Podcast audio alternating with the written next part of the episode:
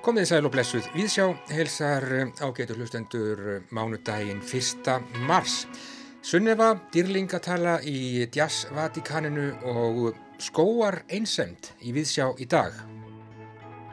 Í þættinum í dag ætlum við meðal annars að ræða við Ott Arþór Jónsson söngvara og Guðrúnu Dalíu Salomonsdóttur píjónleikara um ljóðasöng og skóar einsemt.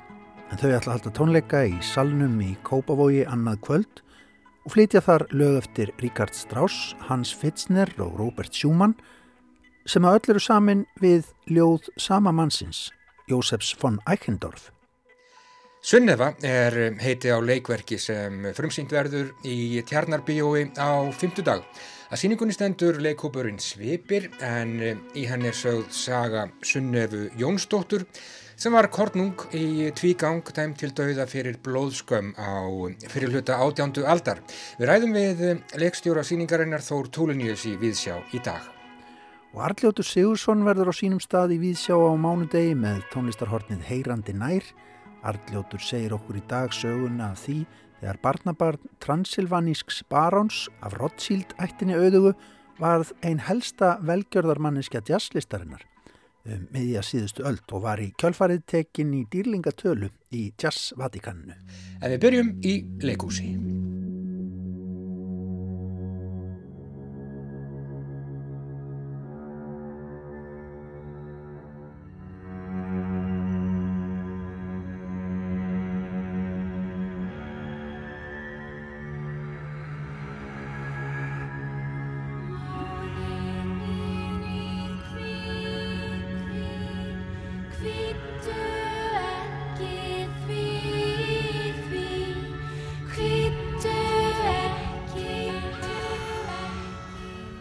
Á femtudaginn þá verður frumsýnt í Tjarnarbíói verk sem að heitir Sunneva og þetta er verk sem að fjallar um ansi já, dramatíska atbyrði sem áttu sér stað á já, fyrirluta átjándu aldar. Um, þá uh, var ungkona dæmt og uh, henni átti að, að drekja og þessi saga er, er sögð í þessu leikverki sem að Þór Túlinjus leikstýrir Þór, uh, Sunneva Jónsdóttir, hver var það?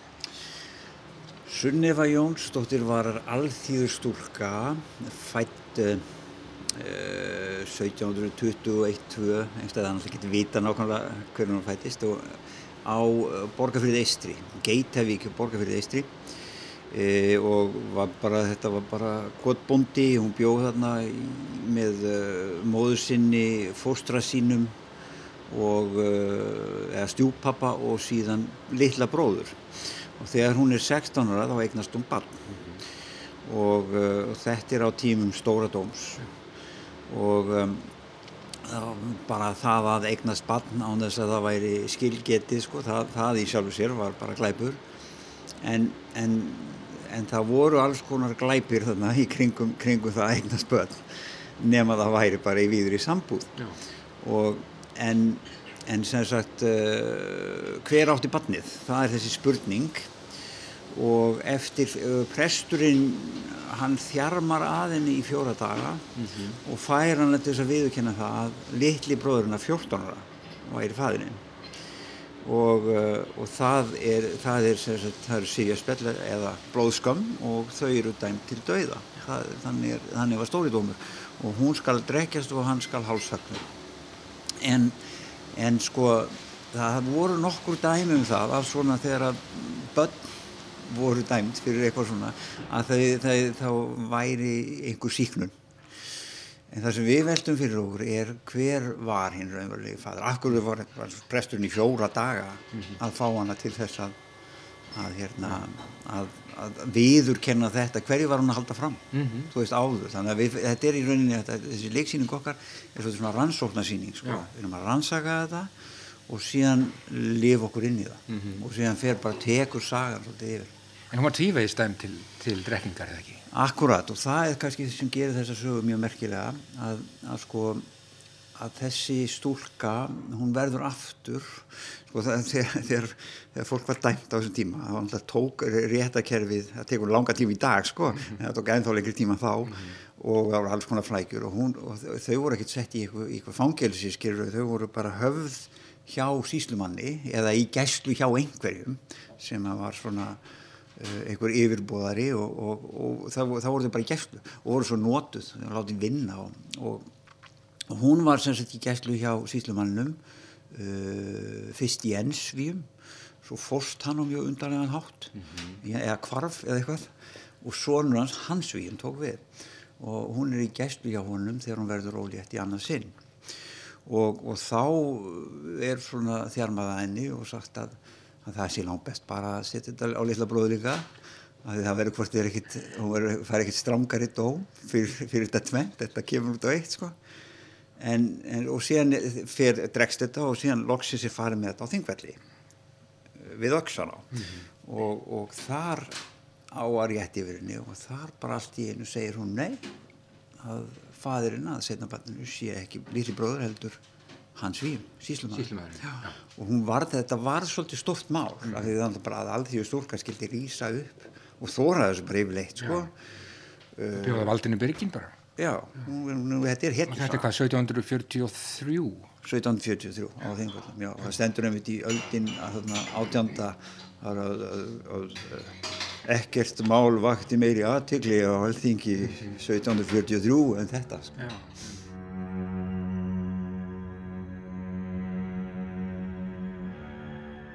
Og eru þið að, að, að leita að sannleikanum? Hvernig, hvernig, hvernig fóru þetta? Máttu segja það? Já, sko... Það er ekki síning, síninguna? Nei, nei, nei, nei, en bara, en, en sannleikurinn er ansið óáþreifanlegur þarna þó að það er styrl mhm. fullt af heimildum, Já. þá eru heimildina bara svo, svo einhvern veginn gloppóttar og, og lausar í sér að það er, það er engin almennileg heildar mynd mm. og í rauninni var þetta mál að, að sko þetta var þvælst í kerfinu í átjan ár. Já og hún fór aftur í gæslu og var verið að býða og eitthvað svona og hann misti ennbætti um smá tíma. Og, og en, en, sagt, en í rauninni er ekki alveg búið að útkláða það ennþá. Hver var hinn fadir Nei. hann vann að lokum skilur, hann fekk uh, fekk einhverja uppreist æru sko en, en þetta er samt ekki þar við leist mál. Nei. þannig að sko það sem er áhugavert við þetta er að er, þetta er svo gloppót og maður getur það sem við erum að reyna að gera er svona að fara það sem það get ég eða fyll upp í myndina mm. út frá kvenlegu innsæi mm. stúlnana mm. sem að er að segja þess að sögu sko. Hvað varðum Sunniðu Jónsdóttur? Það er til dæmis ekki alveg 100% víst eh, það er eh, sko við skulum segja að áræðilegustu heimildamenninir vilja halda því fram hún hafi dáið úr vorspúl í gæslu hans výjum að, að eigðum þetta fyrir austan en uh, svo eru alls konar eða fullt af kvíksögum um það að, að hún hafi dáið, henni hafi verið direkt í stjóli nætur Já. sko þó hann hafi ekki fengið það dæmt hann, fengi, hann fekk hann ekki alveg dæmta til þess en, en, um, en það eru marga kvíksögur um það að, að konunans hafi farið með hann, farið með hann og drekt henni og, eða hann hafi farið í stjóli nætur og drekt henni og þannig að að sko og, og kannski því til stuðnings þetta eru kviksögur, þetta er ekki, ekki samþygt skilur en, en því til stuðnings er að það er, það er helur fyrir haustan á, á bestastöðum í Fljótsdal sem heitir Sunnifu Hilur hann er alltaf kallaður Sunnifu Hilur sem bendir til Ímislegs já, kannski segja það. En þetta er svona rannsóknar leikur eh, þessi saga uh, og erindi hennar til okkar hér og nú uh, Sunneva Jónsdóttir, Kvenskurungur Fórnarlamp eða Tæfa spríðið?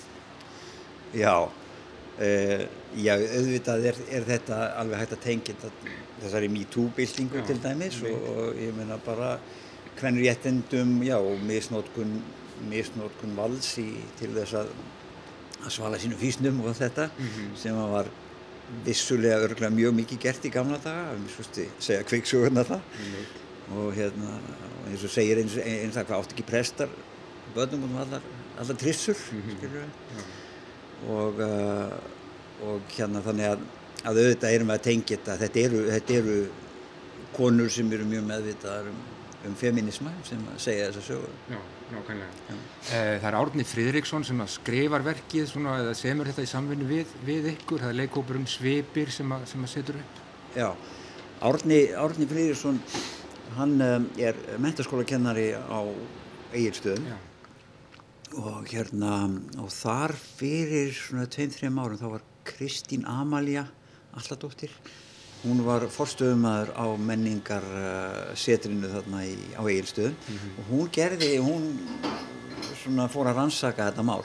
Á sinna hún gaf út lilla bók um sunnifumáli og þær voru með síningu þarna fyrir austan sem var í rauninni svona meiri svona fræðslusíning og myndlist og, og svo leiðis og uh, Árni var þarna og hann, hann hafði lengi ætlað að skrifa leikrit um sunnufumálinn og þetta svona ítt honum að stað og svo sendi hann mér handrit og spurði hvort við hefum áhuga og, og þannig spannst þetta áfram. Mm -hmm. En þið frumsýnið í fyrra er það ekki?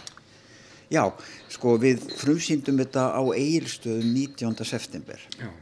Alltaf með það fyrir augum að fara að sína þar í, kannski tíu síningar og, og koma svo í Tjarnabíu. Mm -hmm. Og við frumsýndum og gerðum þetta, síndum tíu síningar í, í fristiklefanum í, í Sláturhúsinu og það bara gekk ljóðandi vel og, og þakklátt fyrir mjög góða móttökur sem við fengum mm, þar sko. og síðan áttum við að frumsýna í, í Tjarnabí og 10. oktober en þá bara kom, kom lockdown. Fór það eins og það fór. Já, Já. svo ég sletti nú og þannig ertu með í uh, hlutverkum uh, Tinnu Sverrisdóttur og Margréti Kristínu Sigurdardóttur? Akkurat, það eru tvær tvær leikonur og, og Margrét Kristín er líka tónlistakona Já. og þannig að hún uh, og það er bæði tónlist og, og, og söngur og, og fleira og dans og bara allt sem að príða má eina goða leiksýningu. Já, nokkanlega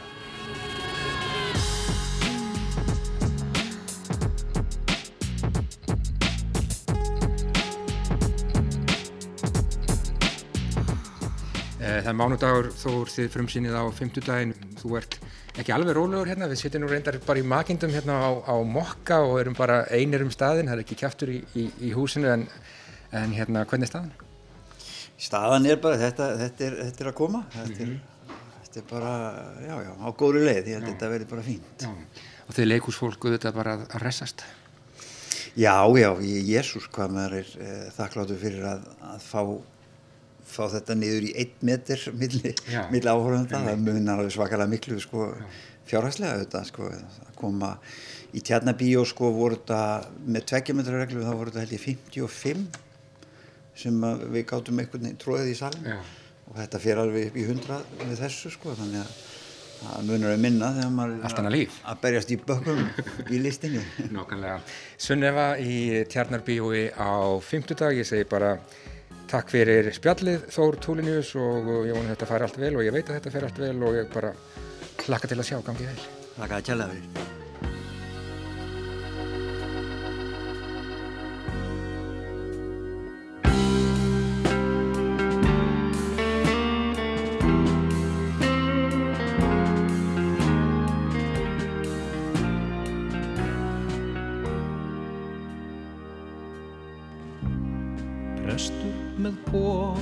tjala fyrir.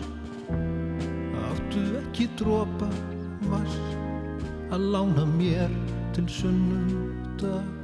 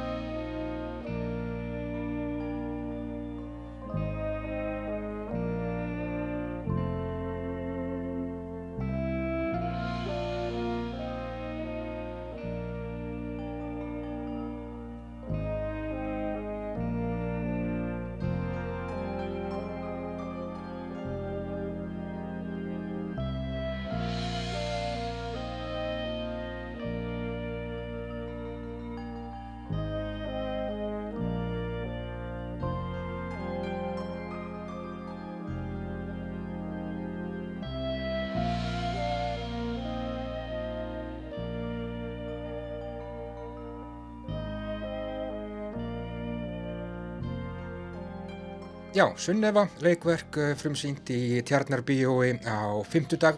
Það er leikopurinn Svipir sem að stendur að þessari síningu. Ég heiti Þór Túlinius, leikstjóra síningarinnar á Mokka í morgun. Leikarar í þessari síningu Tinna Sverrisdóttir og Margrét Kristín Sigurdardóttir en eh, svo síðan nefnda semur einnig tónlistina í verkinu. Herðum örlitið brot úr henni í þessu einslægi og svo auðvitað hinn íslenski þursaflokkur hér í lókin með eh, klassískan skriftagang af plötunni Þursabit frá árinu 1979. En þá er rétt að gefa um stund eftir sviðið hér í Vísjá öldnum meistara sem að sendi frá sér nýja plötu nú fyrir helgina. Willi Nelson heitir maðurinn, fættur 1933 og verður því 88 ára 29. april næstkomandi. Og þegar maður er alveg að þetta í nýrætt heitir Willi Nelson og er auðvitað fyrir löngu orðin að góðsögn í bandarísku tónlistalífi og sveitatónlistinni almennt, þá má maður nokkur neginn allt. Líka gefa út plötu með lögum sem að Frank Sinatra söng á sínum mektar dögum fyrir heiminn. Willi fer skemmtilega með þessu lög, gerir að sínum og frasirar söngin eftir einn höfði. Undirleikurinn er óaðfinnanlegur enda valin manniski í hverju rúmi og svona hljómar titilegið á nýju plötunni That's Life. That's life. That's what all the people say. You're riding high in April, shot down in May. But I know I'm gonna change that tune. When I'm back on top, back on top in June. I say that's life. And as funny as it may seem, some people get a big old kick out of stomping on a dream. But I don't let it, I don't let it get me down. Cause this old world just keeps spinning around. I've been a puppet, a pauper, a pirate, a poet, a pawn, and a king. I've been up and down, over and out, and I know one thing. Each time I find myself lying flat on my face, I just pick myself up and get back in the race. Cause that's life. And I can't deny it. I thought of quitting, baby, but my heart just ain't go by it. And if I didn't think it was worth a single try, I'd just jump on a big bird and then I'd fly.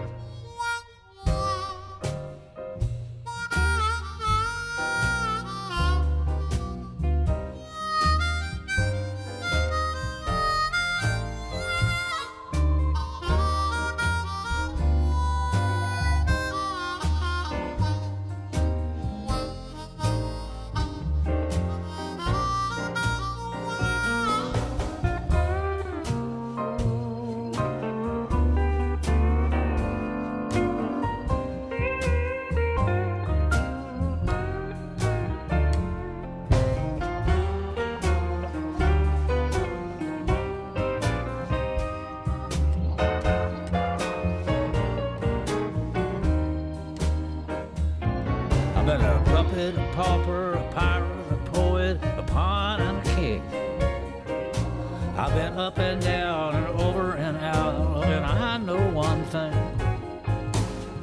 Each time I find myself lying flat on my face, I just pick myself up and I get back in the race, cause that's life. And I just can't deny it. Many times I've thought of cutting out, but my heart just ain't gonna buy it. And if nothing's shaking around here come July, I just roll myself up in a big ball and die.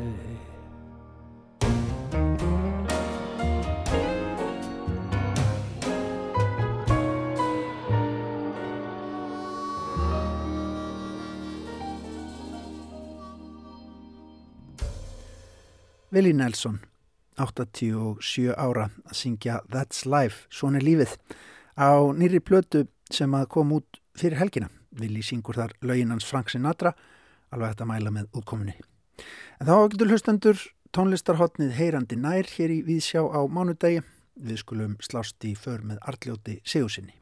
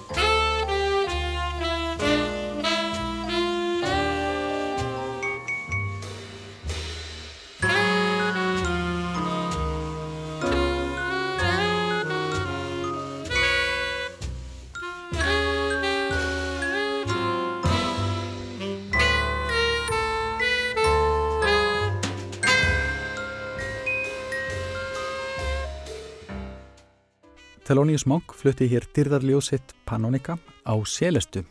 Lægið tilengaði hann ævintýralegu jazzbaranesunni Panonikum, verndara og dýrling jazztónistar í New York um miðja síðustu öld. Árið er 1913 og hjónakornin og ástriðu skortýrasafnaranir Charles Rothschild og ungverska baronessan Rosika Ídl von Wertheimstein uppgöta nýja tegund möllflugu sem þau nefna eftir Pannoníu sléttum ungverjalands, Jublema Pannonica. Sama ár egnuðust þau stúlkubarn sem þau gáðu nafnið Kathleen Annie Pannonica Rothschild. Rauðskjöldungar voru og eru einn auðugasta fjölskylda í heimi og til að mynda var móðurafi hennar barón í Transilvaníu. Á æskuheimili sínu í Englandi, höfðingasætrinu Tring voru krettur auðjúvra lífsins henni þungberiði og þráði hún þið frjálsa líf fyrir utan. Ríkidæmi rauðskjöldunga er ekki fyrir alla. Þó ekki hafi skort mat var yfirþyrmandi stíft gangverk í lífið fjölskyldunar á nánast öllum stegum tilverunar. Frá misefniðu hástjættar hjónabandi sínu sleit hún sammistum og flutti til New York borgar. Sagan segir að hún hafi árið 1949 hirt upptöku Thelonious Monks af sínum magnum opus Round Midnight á plötuspilarunum hjá kennara sínum Teddy Wilson jazzpianoleikara. Steinrunnin hlustaði hún svo sí endur tekið á lægið yfir 20 sinnum og misti af flugið sínu til Mexiko. Hún hafði nú fundið sína heimahöfn og áttað sig á að hér væri snillingur á ferð og einskonar köllun hennar að hlúa að vegferð þessara einstöku perlu sem Thelonious Monk var.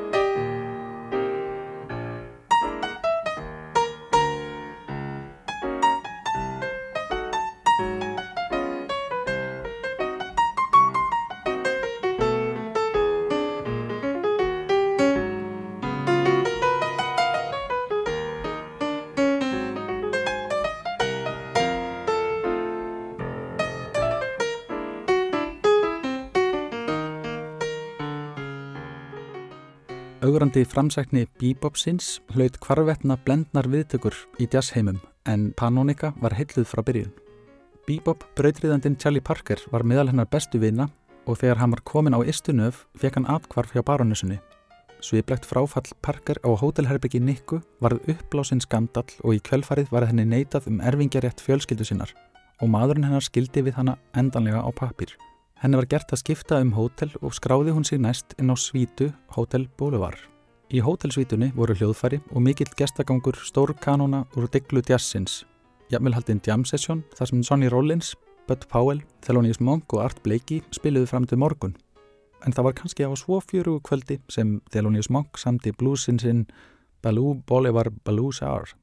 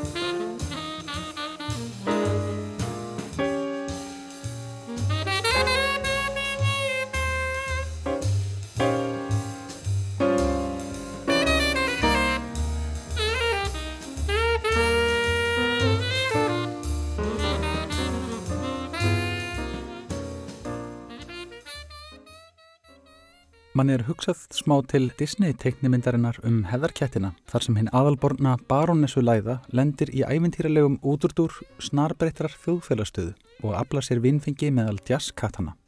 En þessir djasskettir voru sko engir kettlingar. Næstum allræmdir sem búsarar og bósar, hornreika vandraðagemsar. Þar stóð hún verð með utangarsmönnunum en það nær eiginlega um hana líka, viðskila við ætt sína. Þegar Thelonious Monk var grafin lifandi í neikværi gagnreini stóð hún fast með honum og kvatti. Þau voru bestu vinir og hún gaf Monk þreg og þólinnmæði þegar á móti blés bæði í listinni og lífinu. Monk var þjakaður af geðkvillum og reyndist að þungur bakki fyrir fjölskyldu og sérstaklega eiginkonu Theloniusar Nelly. Panonika hafði samkjönd og skilning með slíkum veikindum enda aðstandandi sjálf í æskusinni og uppvexti. Ef Monk var eitthvað ofangarðs eða neðan var Nikka til staðar fyrir hann og fjölskylduna. Þegar Thelonious Monk var greipin með kannabis í bíl hennar tók hún á sig sökina fyrir hann. Þó þurftu þau bæði að dúsa í fangaklefa í nokkra daga. Hún var dæmt í þryggja ára fangelsi en með tveggja ára baróttu fjármagnari af fjölskyldu hennar var málinu aðlókum vísað frá. Sennilega hefði henn sérlundaði jazzpíjánosnillingur átt erfiðar með að verja sig fyrir slíkum ásökunum og verið heldur líkleri til að dúsa í steininum.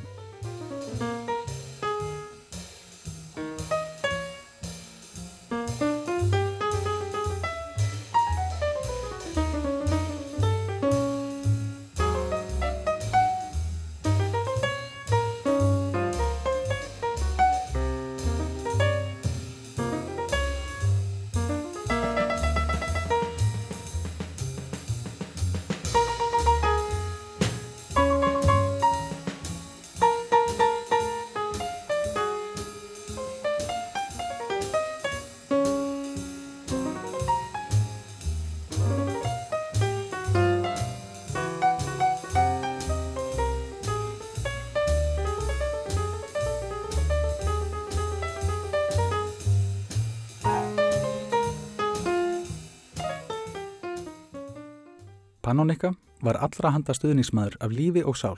Um tíma starfaði hún sem umbóðsmæður fyrir djastrómaran Art Blakey, svo dæmi með ég nefna. Hún var innblástur og dáða kvati margra jæðar tónlistarmanna djassenunar og hafa fjölmargir veittinni þakkarskjöld með lögum tilenguðum henni. Að vera djassbaronessa hefur verið skrautlegt starf. Minnislisti hennar yfir daginn hefur innihaldið verkefni eins og að leysa út veðsett hljóðfari tónlistarfolks sem sárvandaði öyrin í örvendingu næsta skamts. Hún hjálpaði nauðugum með leigu og gaf svo engum mat, heimsótti veika á sjúkrabiði þegar engin annar heimsótti og skaut yfir þá skjólshúsi sem ekki gáttuð annað ratað. Sá til þess að þeir mættu og syndu sínu með að skutta þeim á bendleinum sínum á næstu tónleika. Ef það er einhver sem ætti kallast jazzstýrlingur, væri það sennilega jazzbaronissan Pannonica. Heyrandi nær sendir Bebop hverjur, Sally Parker spilar hér Ornithology, góðar stundir.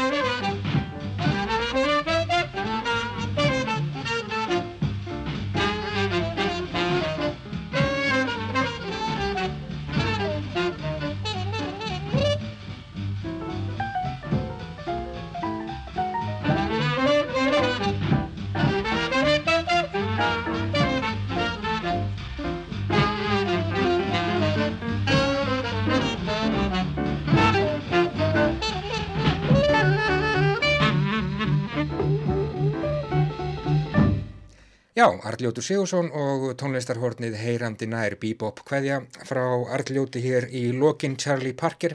Við erum eftir í Arljóti hér í Víðsjá að viku. Það var komið að allt annars konar tónlist í Víðsjá og getur hlustendur. Við hugum að tilfinningunni sem að getur gripið mann þegar maður gengur einn um skólendi. Við hugum að dásamlega fallegum ljóðasöng leggið vel við hlustir.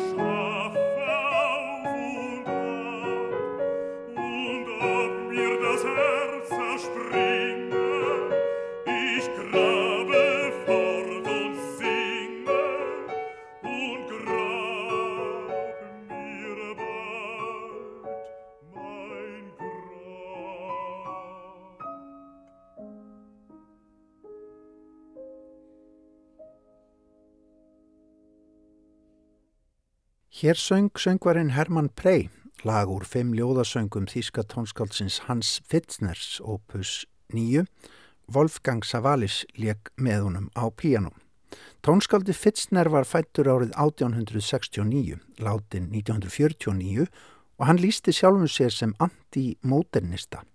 Vildi einfallega dvelja lengur í hugsunarhætti og fagurfræði romantíkurinnar sem hann dýrkaði svo mjög.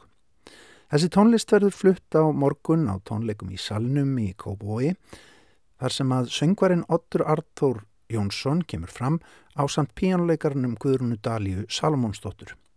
Aug tónlistar Fitzners flytja þau líka söngva eftir Ríkard Strauss og Robert Schumann. Allt við ljóð eftir sama mannin. Þetta er tilfinningarhlaðin tónlist sem að segja má að hverfist öllum sömu tilfinninguna. Það sem að þjóðverjar kalla Vald Ensheim-Kite einsendina sem að helst getur yfirmann þegar gengið er um skólendi. Við erum komin í samband við bílskúr hér í borginni þar sem listafólkið, Otur Arþór og Guðrún Dalja eru við æfingar. Við tröflum þau um stund.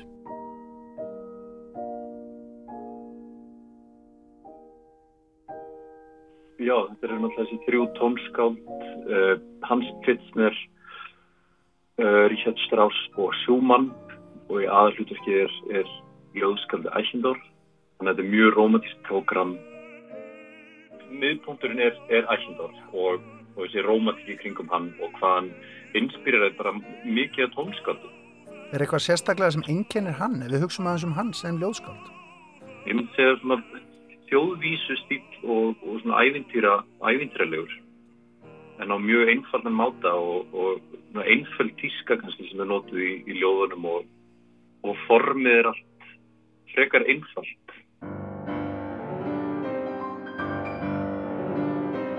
Mit Regen und Sturmgebrause sei mir willkommen Dezembermund und für mich den og þemað eins og nafn tónleikana gefið til kynna sem er vald einsamkætt eða skóar innsemt og við vorum að tellja hvað orðið skóur eða vald kemur oft fyrir í efniskráni hvað var það?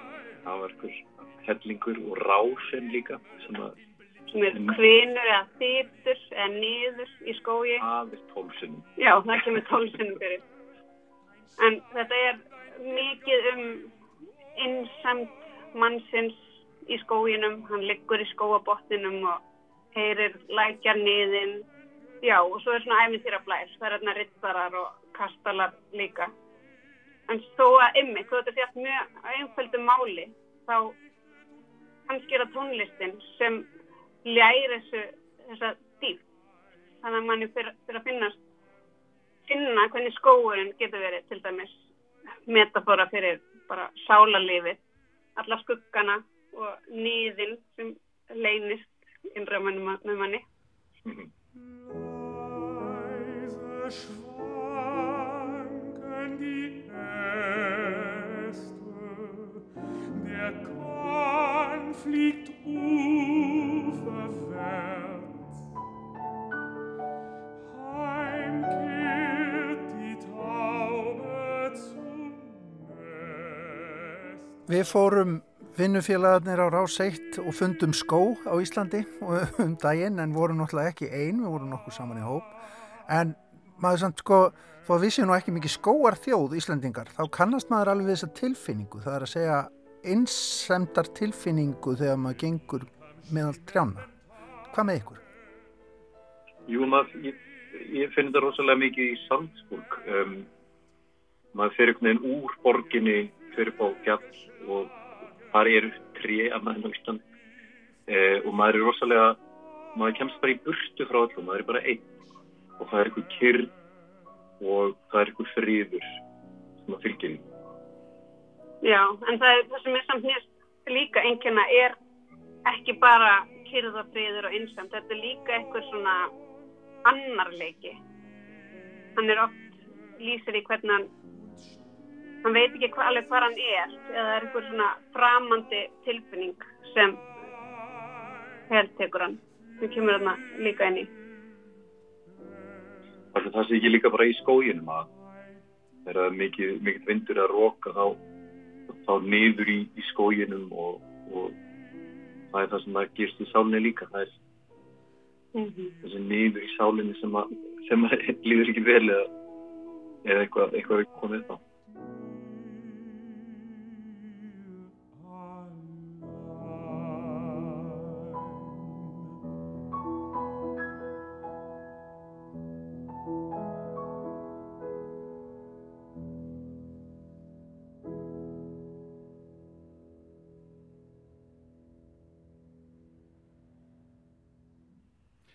Hvernig þá áttur þegar maður syngur svona ljóð og þau eru jú vissulega þannig að þau eru ægilega romantísk og, og fjalla um, um þetta sem við erum búin að vera að lýsa þess að svona, já, kannski svona blöndnu ángist mannsins í náttúrunni. Eh, sko þar maður að sko setja sér einhverja stellingar? Þar maður að vera einhvern veginn með hjartað á erminni eins og stundum er sagt?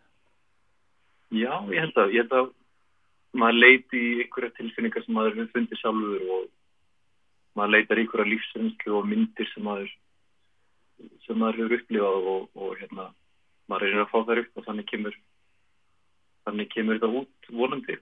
Já, hefur maður syngur þetta á tónleikum. Það er svo magnað, við vorum að ræða sko, að tískan, hún er stundum svo svona náttúrulega mjög fallegt tungumál en hún er svo svona nákvæm þú veist, segir bara einhvern veginn hlutina nákvæmlega eins og eru. Og orðin sjálf er ekki beint skáldleg nema kannski vald einsamkætt en það er samt mjög lýsandi orð. Og hérna eins og Reynir Axelsson sem þýðir ljóðinn, hann er með orði eins og andvari en orðið sem hann er að þýða er bara lútt bara loft, loftið fyrir gegnum akkurinn en svo, já, þannig að ljóðið sjálf, þetta er náttúrulega frábær ljóð, en eins og ég persónulega, þegar ég les tísk ljóð, þá finnst mér að vera bara, já, blómið er fínt og fallegt og ég elska þig eða eitthvað les. En svo þegar þessi tónlist kemur við og á mjög ólíka nátt hjá Sjúmann og Fitzness, þá glæðir þetta einhvern veginn svona lífið, þannig að allt í nú skilum að þess dýftina í ljóðinu. Ég skil aldrei þessi tísku ljóð fyrir en ég heyri tónlistina við, sko. Og þá skiljiði mjög vel að ég gera það, eða upplifiði það þannig miklu sterkar.